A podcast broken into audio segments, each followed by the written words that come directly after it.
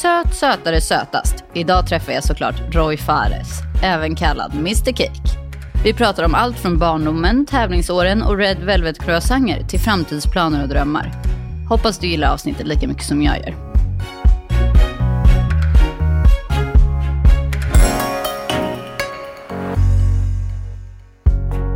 Roy Fares är Mr Cake med hela svenska folket. Med sin otroliga bredd bjuder han oss ständigt på allt från maffiga amerikanska bakverk till sanna klassiker som kanelbullar och kladdkaka. Roy har grundat kafékedjan Mr Cake och driver den idag som ensam ägare, vilket i sig är ett heltidsjobb. Men utöver detta medverkar han regelbundet i olika tv-program, skriver bakböcker och växer konstant i sina sociala kanaler. Vi är så nyfikna på att höra allt om denna spännande man. Varmt välkommen säger vi till Roy Fire!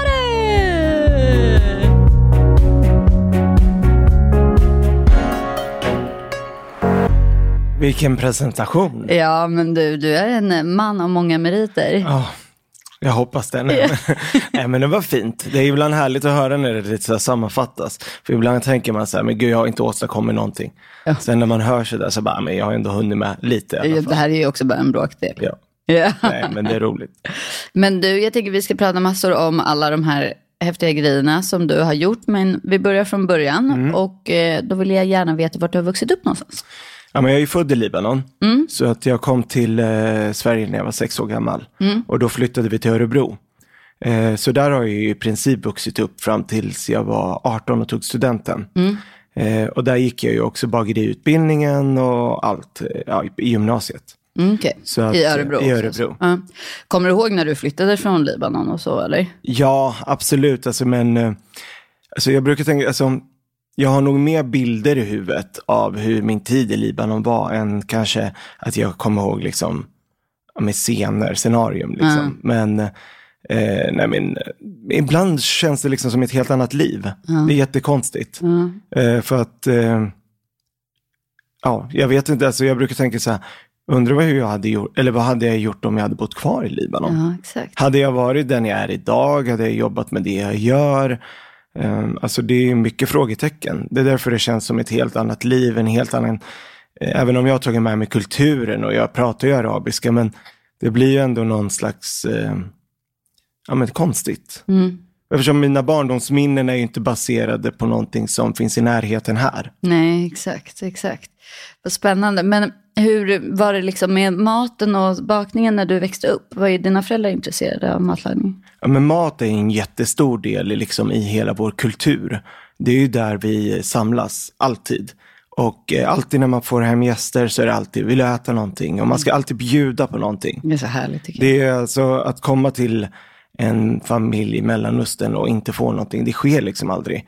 Så det är antingen frukt som ställs fram, eller bakverk, eller kakor, eller mat, eller te, kaffe, nötter. Det är ett konstant tuggande på någonting. och det tycker jag är rätt härligt, för någonstans är mat, det liksom eh, river ibland en massa barriärer och ibland kanske en stämning och det blir rätt familjärt på en gång och eh, ja, men rätt trevligt. Jag tycker, och det har jag väl liksom tagit med mig att hela tiden att mat är ju någonting och bakverk är ju någonting som ja, men det förenar oss människor. Verkligen. Men hur var uppväxten i Örebro sen då? Ja, men uppväxten i Örebro var ju bra, absolut. Eh, Såklart, för att vi kom ju ändå från eh, Libanon där det pågått krig. Så att, eh, men det har ju alltid varit liksom ändå att man har ju fått bli vuxen rätt fort. Just för, med tanke på att mina föräldrar kunde inte svenska. Så det har ju varit mycket med att man får ja, men lära sig läxorna mycket själv, eh, kanske ta hjälp av andra. För att eh, det går inte att vända sig till dem på det sättet och fråga liksom om ja, men, svenska läxan eller historien eller matte. Eller, så att eh, det var mycket sådana grejer, men annars tycker jag att jag har haft en ja, men, fantastisk liksom, uppväxt i Örebro. Kommer du ihåg liksom de första, så här, om man tänker sig smakbildsmässigt, när du kom till Sverige, kan du komma ihåg liksom de svenska smakerna som en stor kontrast till de från det arabiska Ja, men alltså, jag tyckte det var så konstigt att man åt liksom, kött och lingon. Ja. Alltså för mig var det, alltså, jag fick liksom inte ihop det. Nej. Du vet så här köttfärslimpa, lingon och potatis och sås. Jag bara, Det- när man tänker efter så är det men ju idag, lite jag älskar det. Det är så jävla gott alltså. Uh. Oj, vad jag svär. Ja, det är helt ja, skitsamma. eh, men bakade du någonting redan i den här åldern? För du sa att du gick bageri ja, gymnasium eller utbildning. Så att alltså egentligen, mamma har ju alltid bakat liksom hemma och gjort grejer och jag har ju varit med liksom i köket. Men jag, intresset för bakning växte liksom mer när, på hemkunskapen när jag gick på högstadiet. Jag tyckte det var ändå härligt att få men, kunna göra en massa grejer med råvaror, både laga mat och baka. Men sen så har jag ju, jag är ju liksom en, eh, vad ska man säga, sockergris. Mm. Eller så gottegris. Så att jag har ju liksom alltid haft liksom det söta som fokus. Mm. Och, eh, och det är samma sak, alltså bakverk jag, skapar ju en helt annan glädje än kanske mat. Ja. Eh, så att, eh, nej men så fastnade jag för det och både också få vara kreativ i köket. Eh, sen började när man skulle välja gymnasiet så visste jag väl inte riktigt så här, vad vill man bli? Det är väl alltid en sån där rätt stor och svår fråga. Att ta det här livsbeslutet ja. som det känns just då. Ja, det är så laddat ju. Ja, men det är så laddat. Och vad ska jag bli när jag blir stor? Ingen aning. Alltså, jag är, vad är man? Och vem vet innan man är typ 15? 16 ja, år liksom. Nej. Det är omöjligt. Så att jag tänkte ändå, men det här tycker jag är roligt. Här får jag ändå en utbildning. Och att eh, jag kan välja att plugga vidare om det känns helt fel. Mm. Men eh, med tiden så liksom fastnade jag för det och jag tyckte det kändes mer och mer rätt. Och jag insåg väl i skolan att jag ändå hade någon slags talang och känsla. Alltså man behöver ju någonstans ändå ha lite öga för att skapa mm, vackra saker. Så det märkte jag liksom. Men sen var jag ju också rätt busig i skolan. Alltså, jag hade svårt att fokusera. Jag var rätt stökig och högljudd. Och, ja, men du vet, sådär lite tonårsstök. Mm. Mm. Men jag hade också en lärare som eh, någonstans såg ändå att ja, men det är bättre att Roy lägger fokus på det här liksom och stöttade mig i saker och ting. Men det gick ju bra. Mm, tur att hon fångade ja, upp men, dig. Eller hur? Nej, men, jag, men jag tror väl alla går vi igenom olika perioder. Alltså jag var inte elak eller så, men jag bara hade svårt att sitta still och jag hade liksom så mycket tankar och idéer och ja men bara tyckte jag, nej, alltså sitta bara och plugga var liksom tråkigt. Mm, det känns ju som att du är väldigt kreativ, det var du redan då kanske? Ja men eh, absolut, alltså, så fort när det kommer till något, alltså att jobba med något kreativt då kan jag göra det liksom hela tiden. Men just mm. bara så här, sitta och skriva långa uppsatser eller eh, även om nu är det mycket ekonomi, men det liksom, ekonomi var inte lika roligt då som nu kanske. Nej, exakt. Hur fortsatte resan sen då efter gymnasiet? Vart hamnade du då? Då flyttade du till Stockholm? Ja men exakt, och då flyttade jag till Stockholm och då gjorde jag, eh, jag har alltid haft, jag tycker var sak har sin tid och så lumpen har jag alltid känt att, ja men det vill jag göra. Både för att jag trodde att, ja men nu kommer jag liksom växa till, alltså mm. mogna, Sen gillar jag utmaningar, att det, det, är klart att det är en sjuk utmaning för att göra lumpen. Liksom, både för att det är psykiskt och fysiskt jobbigt och rätt utlämnande att bara dra iväg tio månader och vara ägd i princip av befäl. Mm. Det är det vad du är. Ja, och liksom bara så här, lyda och lyssna och putsa stövlar och vara ute i skogen och vara skitig och kall och blöt. Och, så att det hela den mentala styrkan man bygger upp och liksom, eh, tycker jag ändå liksom har format lite också vem man är idag och hjälpet, hjälpte mig på traven liksom att eh, det är okej okay, att det är tufft ibland. Man klarar mycket mer än vad man tror. Mm. Så att då gjorde jag lumpen och sen eh, eh sökte jag till eh, sån extrautbildning på eh, PU-utbildning, som påbyggnadsutbildning för bagare och konditorer mm. i Göteborg.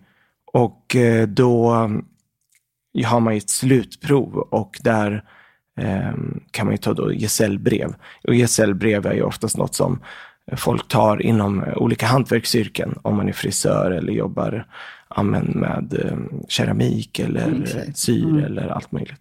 Och där sökte jag ju då till eh, Årets konditor. Jag har ju alltid varit en tävlingsmänniska. Mm. Nej, jag sökte till SM för unga bagare. Okay, um. eh, när jag gick i skolan, det var okay, 2005. Um. Eh, så jag har alltid varit en tävlingsmänniska och tänkt så här, ja men nu. Och sen så vann jag ju SM för unga bagare. Helt så att, Ja, men det var... Det måste ju varit en så fin bekräftelse på också, så här, men gud, jag kan ju verkligen Ja, men verkligen. För att jag minns så väl att så här, alltså jag har ju inte bara haft liksom så här raket, ja men fart framåt och allt har liksom gått min väg. Absolut inte. Jag kommer ihåg när jag gick i gymnasiet och så var alla ute på praktik. Eh, jag tror till och med vår första praktik. Mm. Och då fick alla så här fina omdömen tillbaka med sig till skolan. Och jag fick bara så här, Roy är oorganiserad och kan inte jobba själv, punkt. jag bara kände så här, det var liksom så här, Jesus. min första praktik och min första liksom, ja, med betyg eller vad man ska Ja. säga från Ja, arbetslivet. ja, av arbetslivet. Så jag bara kände så här, ja, men det var, kanske inte jag tyckte var så fair. Men jag hade med mig det som en liten trigger hela tiden. att så här, One day. How så när jag vann SM för unga bagare så samlade jag ihop en jättemycket, alltså massor med så här tidningsklipp och omslag och allting. Så gick jag förbi det där bageriet och så postade jag dem bara. Nej, gjorde du? Gud vad kul. Det bara, jag skulle vilja ha sett reaktionen på den bagaren som ägde det bageriet. ja, bara jäklar. Ja, lite in your face. Ja, verkligen. De gick ju bra till slut. Ja, men exakt. Ja, men det är också så ganska höga krav att ställa på en liksom, Ja, men det var min första ja, praktikplats, i, liksom. gymnasieålder. Ja. Det är ändå, ja. Men eh, ja, hur kändes det att vinna? Ja, nej men det är klart att det var ju en enorm kick att få vinna liksom SM för unga bagare. Eh, och en jättebekräftelse och liksom fick så här supermycket uppmärksamhet. Och, och det älskar ju jag.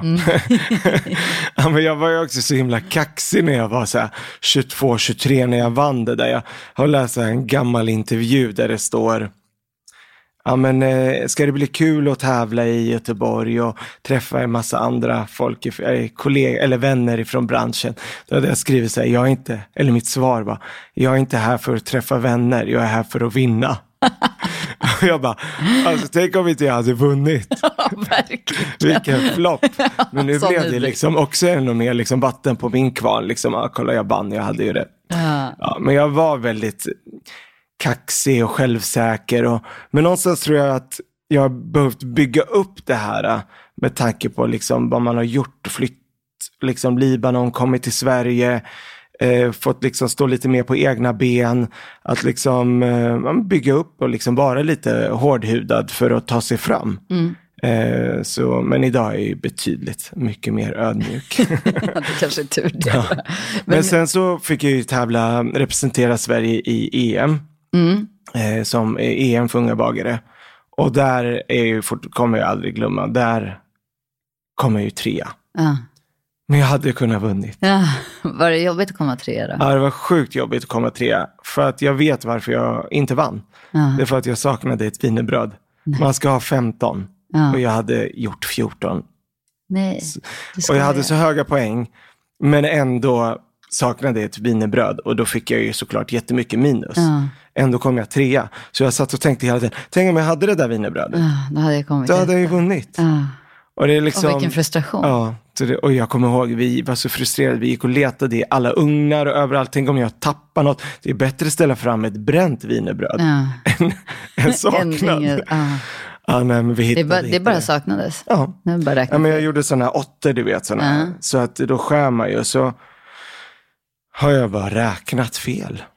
Oj, Och ser att det suger grämer dig fortfarande. Jo, men lite, för jag, äh, samtidigt är det ju tävling. Ska det vara 15 så ska det vara 15. Ja, det är det går ju inte att sitta och tänka på, hade jag sprungit snabbare så hade jag ju vunnit. Nej, men exakt. Men eh, ja, det var ändå nära. Ja, men vadå, en bronsplats är ändå en bronsplats, Ja, jag. men eh, jag ville ju liksom ha tre ettor. Nu har jag ju en etta, en trea och en etta. För din tredje, eller din andra ettra där då, det är Årets konditor, eller hur? Ja, men exakt. Efter SM för unga bagare så började jag jobba i Stockholm. Eh, på Tussebageriet såklart. Eh, där jag träffade också min eh, före detta kompanjon Mattias. Så att då började jag jobba där och där var jag i tre år. Men så kände jag liksom så här, det hade varit så mycket liksom med fokus på EM och jag var en ny talang och allt det där liksom. Och bara kände så här, då var jag liksom i ett stadie också, liksom, jag var lite osäker på mig själv, kanske min sexuella läggning och hela, och bara hamnade i någon slags här, flyktperiod i livet. Jag bara, "Mm, är det det här jag vill göra? Jag var lite så här osäker, identitetskris, totalt. Så då bestämde jag mig för att säga upp mig och eh, åkte till Australien. Och tanken var egentligen att jag skulle jobba. Ja. Men ehm, så blev det inte. Utan jag bara gjorde ingenting. Du bara chillade? Ja, men chillade omkring och ja, men kände liksom bara så här, ah, fan, vad vill jag liksom? Sen kom jag tillbaka till Sverige och då jobbade jag hos eh, Per Olsson som hade då P.O. chokladkonditori. Så jobbade lite där och så, ja, så var det lite fram och tillbaka och så hade jag ett förhållande i USA. Mm. Så mitt liv liksom eh, däremellan fram till ungefär 2011, från 2008 till 2011, var rätt så Uh, lite, lite oklart. Oklart och stökigt. Jag jobbade lite och jobbade inte och jag ja, gjorde andra lite grejer. Lite vilset låter Ja, men lite vilsen. Men sen så, typ 2009 bestämde jag liksom så här, nej men okej, okay, nu måste jag verkligen ta tag i mitt liv. Och då jobbade jag hos Per Olsson och då, ja, hur gör jag det? Vad vill jag? Mm. Antingen är jag kvar i branschen eller så byter jag helt. Eh, och då kände jag att, okej, okay, ja, jag måste söka till Årets konditor. För att jag hade ju någonstans målet om att jag vill öppna eget. Eh, jag vill gärna göra kokböcker, jag vill jobba med tv. Jag hade liksom alla de här drömmarna. Men jag kände bara, hur når jag dit? Ja. Och då var det liksom, årets konditor skulle öppna upp dörren, tänkte jag, ja. till allt det här. Ja. Det var liksom så jag hade satt upp planen. Eh, och sen så sökte jag till årets konditor och såklart hade jag jättefin hjälp och coaching av Per som också har vunnit årets konditor, är sjukt, sjukt duktig. Så att, eh, ja men sen vann jag Årets konditor 2010. Mm. Mm. Och det blev lite som jag hade tänkt. Liksom. Det öppnade upp så enormt mycket dörrar. Det var skönt, var skönt att känna att planen gick i lås. Ja, men ändå. samtidigt så här, visst det öppnar ju upp dörrar, men det gäller ju också att förvalta dem. Ja. Ganska eh, fort ju. Ganska fort mm. och liksom det blev rätt så ja men mycket grejer, mycket mässor och eh, olika reportage och tv och, och sen i samma veva så skulle ju Gå kväll som gick på SVT mm, eh, med Ebba von Sydow starta på lördagar. Och då behövde de eh, en konditor i studion. Så då frågade de mig och det var ju också liksom eh, min liksom språngbräda in liksom, i tv-världen. Och Gå kväll på den tiden, alltså vi nådde, det var ju en enorm publik som tittade och vi mm. fattade nog aldrig hur brett man kom ut i landet. Mm. Och det var då jag insåg, så här, men gud, alltså, Alltså det är verkligen, alla tittar. Är, alla tittar. Mm. Eh, och där började man ju sakta men säkert bygga upp liksom en publik som tyckte om det man gjorde och recepten delades och, och eh, folk bakade efter dem och liksom lyckades med recepten och då blir det en kvalitetsstämpel. Bara att hela den grejen att baka live i en studio, det är inte superlätt. För att det är så här, okej, okay, när får jag vispa? Ja, exakt. Typ det aldrig. Får, nej, det får inte låta någon. För då har Ebba en intervju där, mm. eller så sitter hon där. Och så att, man, det var ju mycket så här, göra en maräng utanför studion, in med bunken. Ja, men du vet, det var, men man lärde sig också så här, att jobba smart och liksom eh, hur kan man få ihop bakning på ett enkelt sätt. För det är någonstans var det ju att lära folk, inspirera människor hemma att baka på ett enkelt sätt och inte få det att kännas krångligt. Ja, det är ju det som är målet. Ja. Denna vecka är vi sponsrade av Epoch Kök, köksleverantören som passar dig som vill ha många valmöjligheter när du ska bygga nytt kök. Epoch är utformat för att det ska passa just dig och dina behov. Med över 40 olika luckor och färger att välja på och med stor flexibilitet på stommar och skåp kan du enkelt skapa ditt drömkök. Vi på köket har fått testa att bygga ett kök från Epoch och deras montering är verkligen så enkel. Med ett unikt klicksystem kan man snabbt montera ihop köket helt själv. Ett perfekt sätt att spara både tid och pengar. Dessutom har Epoch marknadens längsta garanti på 35 år avseende material och produktionsfel. Med Epoch får du helt enkelt väldigt mycket mer kök för pengarna. Vill du veta mer? Boka ett kostnadsfritt rådgivningsmöte med en Epoch köksspecialist i någon av Elgigantens varuhus eller på elgiganten.se. Och sen så fick jag ju liksom mitt första bokkontrakt mm. med eh, Bonnier. Och då släppte jag min första bok 2012. Vilken är den första boken? Sweet. Ah. Och eh, sen så gjorde jag en bok varje år i princip. Ah. Så att det blev fem böcker. Ja, ah. det är ett gäng ändå. Ja, men verkligen. Så att eh, Ja, men och där också i den vevan så blev jag också lite så här, jag tappade lite eh, suget på böcker. För det är rätt dränerande att göra böcker. Och alltså recept och kreativiteten och hela tiden komma upp med, med någonting nytt, något spännande och man ska hela tiden överprestera sig själv. Och jag kände så här, nej men nu har jag gjort fem kokböcker. Jag menar det finns inget bäst före-datum på dem. Nej, exakt. Och, de är ju tidlösa. Ja men lite sätt. liksom. Jag menar så här, vill man ha ett bra recept så finns det i böckerna. Mm. Sen kan man ju liksom eh, googla massor. Det finns ju hur mycket som helst där ute. Men så då tog, har jag tagit en liten paus ifrån hela mm. bokbranschen. Ja, eh, Tommy Myllymäki var här i förrgår och så pratade vi också om det här och han mm. gjorde också så här sju böcker på sju ja. år. Och han bara, till slut så går det liksom inte. Nej. Han bara, då känner man bara att någon annan kan göra det bättre. För att man kan inte slå knut på sig själv hundra gånger om. Nej men exakt och lite så här, jag är ju ofta så här, när jag gör någonting så vill jag ju göra det hundraprocentigt. Som till exempel min andra bok, United States of Cakes. Den är ju väldigt, alltså jag gillar ju alltid liksom, det ska ju vara extra, antingen åka dit och det är miljöer och träffa människor. Jag bygger det ju nästan som ett tv-program mm, fast det är en bok. Mm. Och ibland kanske inte man behöver göra det, men det är för att jag vill göra det hundraprocentigt och jag vill mm. också bjuda på någonting mer än bara recept. Eh, så att för mig blir det, men den boken är ju rätt intressant för att den är verkligen skapad i den värsta tiden i mitt liv. Jaha, okej, okay. utveckla. Nej men, eh, jag vann ju Årets kondit 2010. Ja. Vi hade ju ett förhållande i USA. Just det.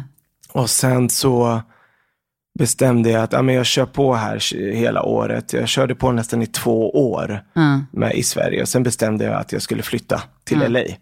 Så jag sa upp mig. Till på, honom då? Ja, till liksom. honom. Så jag upp mig på SVT ja, men, eh, sa upp, lämnade lägenheten, ja, men du vet alla liksom uppdrag. Jag signade ett nytt eh, bokkontrakt med Bonnier då och skulle göra den här United States of Cakes som jag skulle göra i USA. Ja. Kommer dit, allt är liksom eh, nu liksom, jag hade gjort ett tolvsidigt så här, reportage med gourmet. Uh.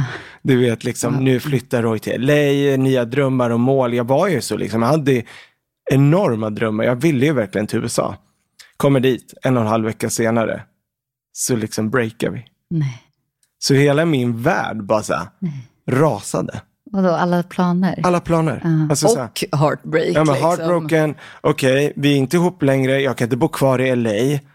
Eh, vart ska jag ta? Alltså, Vad gör ska jag, jag hem? Uh. Vart ska jag bo hemma? Vad gör jag med boken? Och det här jävla reportaget hade inte kommit ut än. Uh. Kunde du stoppa det? Nej, Nej, utan det kom ju ut när jag kom tillbaka. så att här sitter jag i Sverige och det kommer ut också till ett härligt reportage om att Roy flyttar till LA och nya drömmar och hit och dit. Oh, och det var bara så stökigt och hur ska jag få ihop den här boken? Så det var ju bara, jag kommer ju så tydligt ihåg att jag kom hem och kraschade hos en kompis på soffan. Mm. Och jag hade inget hem liksom. Och i samma veva hade jag ju inte berättat för mina föräldrar heller. Nej. Om vem jag egentligen var. Jag hade Nej, inte kommit okay. ut. Så det var bara så här, 2012 för mig är bara så här, en sjuk dimma liksom uh. av kaos. Men hur tog du dig upp ur allt det här? Då? Ja, men jag någonstans kände jag så här, okej, okay, jag har två val.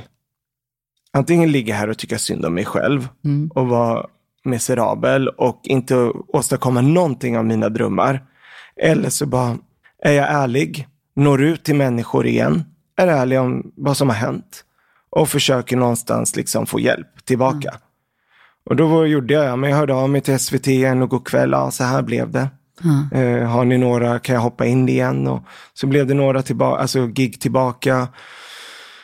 Och sen så bestämde jag, okej, okay, jag får bara samla mig, åka till LA, bara plåta den här boken och göra allt det jag kan komma hem och baka allting liksom i ett kök. Då hyrde jag i andra hand en lägenhet. Mm. Liksom. Och det var också bara så här stökigt. Stå hemma i ett kök liksom, i en liten etta och baka hela den här boken. Och provbaka alla recept och köpa råvaror. Jag hade inga formar, ingenting. Liksom. Det var bara så här, jag höll på liksom dag och natt liksom, uh. med den här boken. Gud, det är så uh. imponerande att du bara samlade ihop allt det här ja, och Samtidigt gjorde det, liksom. jag var liksom. tvungen att göra det. Uh. Men så är det ändå lite roligt att den här boken som för mig är liksom den jobbigaste tiden i mitt liv, i princip blev liksom den bästa boken. För den blev ju liksom den, min mest sålda och eh, kom ut i fyra länder. Kom också ut liksom i USA. Så att, eh, ja, man ska aldrig ge upp. Nej, men faktiskt inte. Och det är väl också, jag tänker här, när man är där och man bara känner att man är på botten och man mår skit och allting så är det så himla lätt att ge upp. Mm. För att man bara, men jag orkar inte. Men det är ändå lite sorgligt för när jag tittar i den här boken, jag ser ju liksom, alltså jag var ju så vilsen i liksom mig själv som person. Det var så mycket drömmar som hade bara fallerat. Och liksom så bara mycket så här, sorg ändå. Ja, men sorg och också misslyckanden. Mm. Alltså så här, man kände sig som en fån. Liksom, att så här, ah, nu ska jag flytta till LA. Liksom. Ah, hej, killen har fått hybris. Mm. Och, men jag hade ju drömmar och ambitioner och så bara allt bara kraschade. Ja, men jag tänker så här, nu har det gått tio år, så nu kan man ändå så här, det är ja. ändå så här, man kan kolla tillbaka på det liksom och tänka på mycket bra som har hänt sedan dess. Ändå. Ja, nej men verkligen så att det är, det är ju klyschigt att tänka på det så här, allt har en mening, men det har verkligen en mening. Mm. Man kanske inte vet det i den stunden, men, um, men det blev ju bra liksom. Det är bara att bygga upp nya drömmar och mål liksom. Ja, verkligen. Uh, allt löser sig. Jag är så nyfiken på grunden till Mr Cake. Eller berätta om Mr Cake. Alla mm. vet nog vad det är, men berätta om kaféet. Men idén egentligen, alltså från början är ju för att jag har haft mycket, eller rest mycket till USA med mitt förhållande i tre år där och upplevt liksom den amerikanska bakkulturen. Eh, och sen har jag ju gjort också kokböcker som är inspirerade utav det. Så för mig blev det rätt en självklar liksom del, ett sätt att baka på. Även när jag bakat i tv eller eh, olika recept. Att jag tyckte att det här svulstiga och härliga och vackra var liksom, eh, ja men det tilltalade mig. Sen så tittar man på liksom, ah, men vad finns, finns det för bagerier i Sverige och sådär. Och de flesta bakar ju liksom, allt ser ju lite same same. Det är, det är frans, ja, franska mosttårtor, mm. det är kanelkardemumma, det är chokladdoppade bitar med marsipan på eller massariner. Och, och inget fel i det, det är fantastiskt gott. Men någonstans, det jag fascinerades av i USA är att det finns så många olika koncept. Vill du åka bara och äta cookies så går du bara dit för att ja. de gör sjukt bra cookiesar. Ja. Eller cupcakes. Vill du ha ja, cupcakes ja. eller cheesecakes. Utan, och jag kände väl att någonstans att det fanns en marknad för det här och ett intresse för att folk bakade ju det här hemma också. Och då hörde jag av mig till Mattias som var min gamla chef och också liksom varit en vän längs med vägen. Eh, om inte vi skulle göra det här ihop. Eh, och så bestämde vi att, eh, jag tror det var 2015 eller 16 tror jag vi registrerade bolaget. Mm. Eh, och eh, bestämde liksom, ja men vi gör det. Mm. Och sen, det är så spännande. Ja, men lite. Och det skulle vara liksom det amerikanskt fika, eller amerikansk fikakultur möter Swedish ja, fika. Ja. Liksom. Mm. Och hur man skulle få ihop det och hur skulle man få det och liksom anpassa det ändå efter de skandinaviska smaklökarna. Men eh, sen letade vi lokal jättelänge och sen 2017 så hittade vi en lokal och sen så byggde vi och så i september, till och med 8 september så öppnade vi upp. Ja, wow. Och det har ju varit och vilken grej. succé sen dess. Ja, men alltså, ibland så nyper jag mig jag själv fortfarande i armen. Att så här, jag tycker liksom så här, oavsett om nu vi har skilt oss som kompanjoner, jag tycker det vi skapade tillsammans, alltså det finns, det kan jag ändå stolt säga att det finns inget liknande. Alltså, eh, det, var, det blev sån grej. Ja, det blev det verkligen. Ja, och jag är så otroligt stolt och en sjukt cool känsla att så här, öppna ett konditori och så blir det liksom så här, nästan nattklubbskö och känsla. Ja. Liksom. Och den enorma liksom, kärleken vi har fått av kunder och folk och besökare. Så att så här, Ja, men det var en otrolig upplevelse faktiskt. Ja, jag förstår det. Jag frågade dig precis här innan vi började spela in, så eh, när man ska komma för att få komma in. Mm. Eh, för att jag går förbi där ofta och det är liksom alltid kö. Mm. Och det är helt fantastiskt. Alltså förstår du liksom ändå hur mäktigt det är att det är ett Men i början är det alltid såklart kul. Så här, men, man, jag menar, jag, vi var ju också sjukt nervösa. Tänk om ingen tycker om det här? Tänk om ingen kommer? Jag men speciellt man, eftersom att det var ett lite nytt koncept nytt på marknaden. Koncept. Sen är det ju alltid så när någon är offentlig eller på tv. Du döms mycket hårdare. Folk kanske bara kommer tycka sig om att han är bara känd eller liksom, ja. Det är en fin balans det där med liksom att skapa någonting som blir superhypat och eh, jättepopulärt och kön är superlång. För det kommer liksom eh, en annan sida med, en annan sida med det. Mm, verkligen. Men du har ju precis, eller ganska nyligen köpt ut Mattias ju. Mm. Eh, hur kommer det sig? Eller vad, vad hände där liksom? Alltså det är lite, det är som ett förhållande. Jag brukar säga, det jag och Mattias skapade tillsammans, det kommer jag liksom aldrig ta ifrån oss. Utan det, det gjorde vi och det har varit en fantastisk resa och eh, ja, men vi har haft sjukt kul. Och jag tror att vi båda har nått drömmar av att ja, men, kunna öppna ett café som blir liksom boom. Bara liksom ta liksom ja, men folk med storm. Det är någonting ändå vi har tillsammans. Men sen är det ju liksom, vi ändras ju människor genom tiden och man kanske vill olika saker. och ja, men När man kommer till liksom vägens ände, att det kanske är bättre att uh, gå skilda vägar. Om man lyckas göra det såklart. Mm. Än att liksom det blir, uh, ja, men att både företaget och vår relation tar mer skada. Mm. Det gäller liksom avsluta också kanske det är väl det som är det svåra, att avsluta när det är dags istället för att det blir för sent. Liksom. Jo, men lite. Och jag, jag har liksom absolut inget ont om Mattias. Eller, utan eh, jag tror bara så det är bra. Ibland var sak har sin tid. Man kommer till en punkt där det är dags. Det är som en skilsmässa. Mm. Och det är jättejobbigt. Ja. Jag menar, jag har också varit ledsen och jag tycker också det här är jättetråkigt. Det har inte varit liksom mitt mål ifrån början. Eh, men landar man där, då måste man göra ett beslut som är bäst för företaget och bäst för oss själva. Och då hade vi samma valmöjlighet. Antingen så köper Mattias ut mig eller jag honom. Ja. Och det var inget konstigt med det och då kände Mattias att det var han som ville sälja. Ja.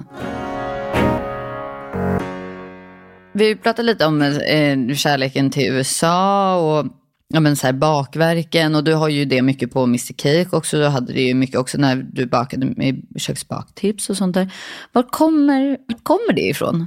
USA-kärleken liksom? Ja, men jag, jag tror för att jag är en person som är själv rätt more is more. Mm. Jag är inte så liksom lagom. Tror jag inte i alla fall. Nej, men alltså, jag, när jag pyntar hemma jul, jag älskar jul. Det ska vara stora rosetter och mycket lampor. Och det, ska, alltså det här minimalistiska, det är liksom inte min grej. Det är också lite amerikanskt ju. Att så här superpynta. Ja, jag liksom. älskar uh. så, här, Jag vill alltid ha en Disney-jul. Liksom. Uh. Uh, men sen jag tycker liksom amerikaner, de må vara falska i, i mångas ögon, men de säger åt, åtminstone good morning, hi, how are you? Eller liksom, de är ju väldigt framåt. Jag tycker det är så trevligt. Ja, men jag tycker också det är trevligt. Mm. Och jag tycker liksom det är lite härligt land eh, och härlig liksom kultur. Och... Nej, men jag älskade ju allt som eh, hade med amerikanska bakverk, tårtor, det rinner, det ser lite svulstigt ut, det är lite fantasitårtor liksom. Ja, men det är lite mer maxat, så är det ju. Ja. Men du inspirerar ju väldigt många eh, varje dag. Du har ju massa recept på köket, du har böcker, du har eh, dina sociala kanaler. Men var, var hittar du själv inspiration? Men det är ju det. Det är liksom till slut, det var därför jag slutade med böcker. Mm. Till slut så här, men jag hade ingenting mer att ge. Mm. Sen gjorde jag ju kök, kökets baktips. Det gjorde du också jag väldigt länge. Jag har gjort rätt många avsnitt där. Det är också så här, jag tror ibland är det viktigt att ta en paus, men inspiration såklart, alltså, genom att resa. Alltså idag finns det ju, Instagram är ju fantastiskt, eller nätet, eller, eh, men det tycker inte jag är tillräckligt mycket inspiration för att jag ska släppa en bok. Nej. Eh, utan eh, då vill jag ju känna att jag vill komma med någonting. Men, eh, men resa, resa och se vad andra kollegor i branschen gör eller eh, sen tycker inte jag man kan kopiera, men det finns ju inget så Alltså allt är gjort. Ja, jag, det känns som det är så himla svårt det där, för det är ganska laddat känns det som. Så här, vem var först med vad och hur. Det är ju omöjligt ja, att förhålla hur, sig till. Hur många liksom olika typer av köttbullar med mos kan uh, du göra? Ja, men verkligen. Hur många, jag vet inte hur många gånger, hur många kladdkaka. Ja. Det är liksom, det går, allt det här gjort. Så då måste man ändå känna att man, eh, jag kände i alla fall att jag vill ändå komma med någonting annat mm. och just nu har jag inte det att ge. Nej. Och då är det ju bra att vara ärlig mot sig själv också. Så här, att våga stanna och ta en paus. Verkligen. Och inte vara rädd att så här, åh nu tappar jag rampljuset liksom. Nej. Har du no några så favoriter på kaféet som är så här, nej men något bakverk som är extra populärt? Mm. Jo, men eh, Red Velvet croissanten som, eh, det har blivit ett litet Ja, den är ju ändå en hybrid kan man säga. Red Velvet är ju någonting man bakar i USA. Det är ju en röd kaka, i princip tårta eller med typ cream cheese frosting. Men det är ingen smak på själva Red Velveten eller? Nej, inget så. Det är bara en färg. Det är en, ja, från början säger man att det kom genom någon slags kemisk reaktion av, eh, man har ju lite kakao i. Ja. Eh, så att Eh, så det är en liten touch av kakao, men det är inte så att det smakar choklad. Nej. Eh, nej men den hybriden var ju, den är jag ju väldigt stolt över. Just att ta något så klassiskt och blanda ihop det med någonting annat. Ja, men lite som Mattias gjorde med semmelwrappen eller cronutten mm. eller och så blev det liksom Red Velvet croissant. Ja. Och eh, det, jag tror inte ens det går att ta bort den. Men hur fungerar det då när ni produktutvecklar på, mm, eller sortimentutvecklar kanske man säger, på Mr Cake? Är det så här, du kommer med en idé eller någon, vem som helst kommer med en idé och så provbakar ni och testar er fram, eller hur funkar det? Nej men exakt, så vi sitter ju oftast och har planeringsmöten. Eh, och då brukar vi dela upp det så att man eh, först gör bageridelen och sen konditoridelen. Och då får man ju bara gå igenom året och lite så här, men vad har vi, vad kommer? Och så får man börja brainstorma och då sitter jag oftast med, eh, ja, med bagarna, eh, olika och sen så provbakar vi, tar fram, ja, men vi byter kräm, vi tyckte inte det var gott. Och så håller vi på så tills vi liksom ändå är nöjda med eh, det bakverket. Och samma sak med eh, konditoridelen. Mm. Så att jag skulle inte säga att det är jag som sitter och gör det här själv. Nej. Utan eh, nu jag, har jag så sjukt duktiga medarbetare som är så duktiga. Uh. Men du, hur hamnade du i kökets baktips egentligen? Jag vet inte faktiskt hur jag hamnade där. Det var ju länge sedan du började ja. ju. För du körde själv länge. Varje lördag, eller hur? Ja, men ett tag exakt varje lördag. Uh, det, det men, är så ah, mycket. Gud. Men alltså jag älskade att göra köket och jag älskar fortfarande köket. Jag tycker det är ett superbra format. Mm. Just alltså, det är kort, intensivt, inspirerande, enkelt. Ja. Men jag gjorde det så mycket och jag kände att, jag vet jag kommer inte ihåg när jag ens började. Alltså. Nej, jag försöker tänka och på hur jag kom in. Jag tror att jag kom i kontakt med David som är eh, producent. producent. Och så fick jag provspela. Ja hemma hos honom i sitt ja, kök. Det är så roligt att det spelades in Ja, och jag bara kände så här, ursäkta, ska jag provspela? Men visst, sätt på kameran. Ja. Nej, men och sen så tyckte han att det gick bra. Ja. Och eh, då fick jag ju börja med att spela in lite.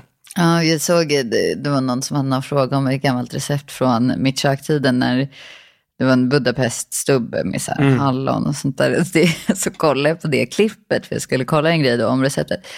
Och det är filmat så roligt, för det ja. var lite så ovanifrån. Så du typ står och kollar upp lite i kameran. Ja, och bara, det var jätteknäppt. Och nu ska vi göra det här. Så här. Och sen så är det lite underifrån.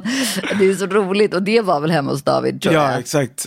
Och jag bara, okej. Okay. Ja, men så att det var ju liksom, um, i alla fall säkert, vad kan det vara, 2000... Men jag tror det, var, det är väl upp mot åtta år sedan. Alltså köket blev ju för ja, sex år sedan. 2016 kanske jag började med det. 2015, 16. Ja, om inte tidigare alltså. Ja, 15 kanske. Men okej, du ska få gissa vilka som är dina tre mest populära mm. recept då, på köket.se. Jag tror ju mina ja, men kanelbullar. Ja, det är nummer två. Mm. Mm. Eh, biskvier. Nej, men de är ju väldigt, du har ju den här biskvin med dulce ja, den är ju så sjukt populär. Men inte topp tre. Nähä. Fudge Browning. Yes, den är nummer tre. Den är ju gammal. Den ja, ju den är hur gammal länge. som helst. Ja. Men gud, vilken kan vara ett? Är det morotskakan? Ah, Är det sant? Ah, gud vad duktig du var på att gissa. Oh, wow. Uh-huh. Och det är också så här morotskakan, den tycker jag är så ful på. Alltså det är i bild.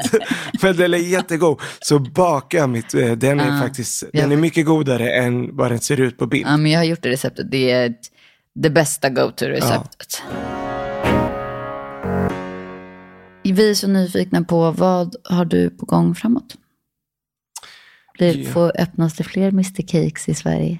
Jo, men eh, absolut. Alltså så här, jag är bara 37 år. Och, och eh, jag bara kände mig hur gammal som helst häromdagen. Speciellt när jag hänger med min brorson som är 10 Ja. och pratar med honom som om jag tror att han är ett barn fortfarande. Ah. Och tittar på mig så här. Ja, vi- Jag har en lilla syster, hon fyllde precis 11. Det är samma sak där. Ja, Jag bara, ja men, men gud, det är ju liksom, du är vi är jämngamla. Ja. Hon var TikTok typ. Ja, Man bara, ah. exakt. Nej men, ehm, ja, men alltså, ja, men det är klart drömmar finns det fortfarande. Och drömmar att ta liksom upp några nya ställen, absolut. Ingenting aktuellt just nu. Nej. Eh, vi har precis eh, kommit ur en eh, mysig pandemi. Mm. Så att, eh, ja men jag vill ändå känna att vi är stabila och har liksom läget under kontroll och att man hittar tillbaka till glädjen av att driva bolag. För det har varit faktiskt jävligt kämpigt. Ja. Jo, och även fast ni har haft liksom kö och det har Ja. gått bra så är det ju kämpigt. Nej men det har varit tufft liksom. Man har eh, två år i princip, liksom, nya restriktioner att anpassa sig till och ja, men, eh, Och den här ovissheten. ovissheten och man vet inte, liksom, ska vi stänga, ska vi ha öppet, ska vi, ja. Nu känner jag mig ändå peppad igen. Jag skulle jättegärna vilja eh, göra mer tv. Ja, men kanske längre fram göra en kokbok. Ja, Ehm, eller bakbok, jag fattar inte varför det heter kokbok. jag vet inte riktigt. Det är inte mat. Nej. Men, eh, Men du känner ändå att du börjar komma tillbaka? ja, men jag börjar lite? hitta lite energi och glädje och eh, ja, men tillbaka. Ja, till, men jag eh, tycker många som jag pratar med här i podden, är ju, det är ju mycket restaurangägare Mm. och ja, men, du vet, Tea, Tommy och Tom och Stefan och liksom, det känns som att många, alltså så här, äntligen kan man typ andas ut lite. Ja, men lite. Förhoppningsvis liksom att det håller i sig, att man kanske kan hitta det här, för man har ju liksom gått på knäna i en ovisshet. Ja, det många, även om så här, man tänker sig, jo men det har gått bra för er. Jo, absolut. Men Mm. Det kan vara påfrestande det är ändå. påfrestande ändå. För Ja. att det är liksom, om jag jämför med hur det har varit så är det en omställning Mm. för oss. Och det är lite så här, det är ett konstant jobb med samma fråga. Ja. Ja. Så det är inspirationen och tiden till att blicka framåt eller inspireras. Den har ju varit liksom, det har ju varit på, ja men, man har ju bara satt upp den på hyllan och tänkte jag tar ner den när liksom allt det. ja, lugnat ner Men nu känns det bra. Jag tycker det är härligt igen. Ja. Men du, jag tänker att vi ska avsluta detta härliga samtal med fem snabba frågor. Eh, och då undrar jag först, vilket är det sista bakverket du skulle välja att äta i livet? Crème brûlée. Mm, en favorit. Ja, men alltså det är kombinationen av vanilj och det här knäckiga och ja, men jag älskar det. Ja, det är gott. Jag kan ju bara trycka typ vaniljvisp. Liksom. det är så jävla gott. gott. Ja. Men vad skulle du aldrig baka? Oj, kanske ingenting med fisk. Mm. Ja, men du vet, så här, få för mig att det ska vara någon torkad eh, strömming, jag vet inte, på någonting. Ja, nej, det låter Men inte... annars är jag rätt öppen till att baka det mesta. Ja. Men det är just så här, konstiga kombinationer. Ja, för konstiga. Ja, liksom. det känner jag bara liksom, Nej. nej, det Vilken är din favoritråvara?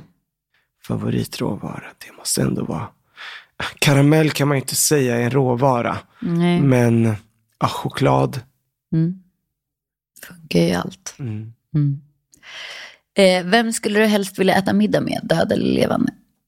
Oj. Nej, men jag skulle faktiskt vilja äta middag med min farfar, eftersom jag aldrig fick träffa honom. Mm. Eh, han gick bort innan vi han komma till Sverige. Ja, Så att, eh, ja, men få höra vem han var liksom. ja, För jag tror ändå det, och hans resa, det har präglat mycket liksom, familjen. ja, familjen framåt. Ja, Och typ de flesta har fått träffa honom förutom jag. Så att ja. det hade varit härligt. Bor din familj förresten, bor de kvar i Örebro eller?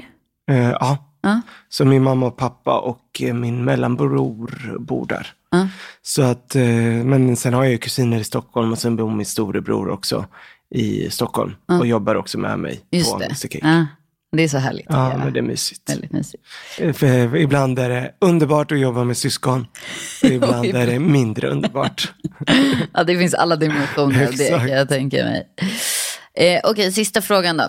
Kladdkaka eller kanelbulle? Oj, varför måste man välja? När man har, inte, när man har valmöjligheten att välja båda.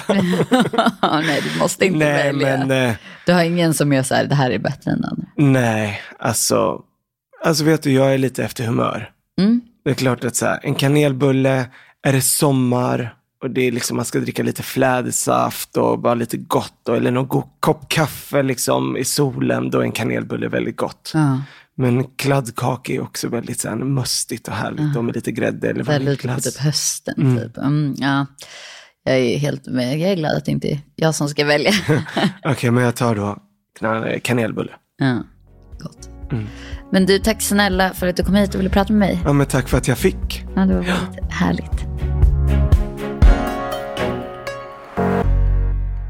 Vad roligt att du lyssnat på avsnittet med Roy Fares. En ära att få ha denna kompetenta man med i podden tycker jag. I nästa vecka träffar jag en av mina favoriter, Jessica Frey. Ett avsnitt fyllt av inspiration.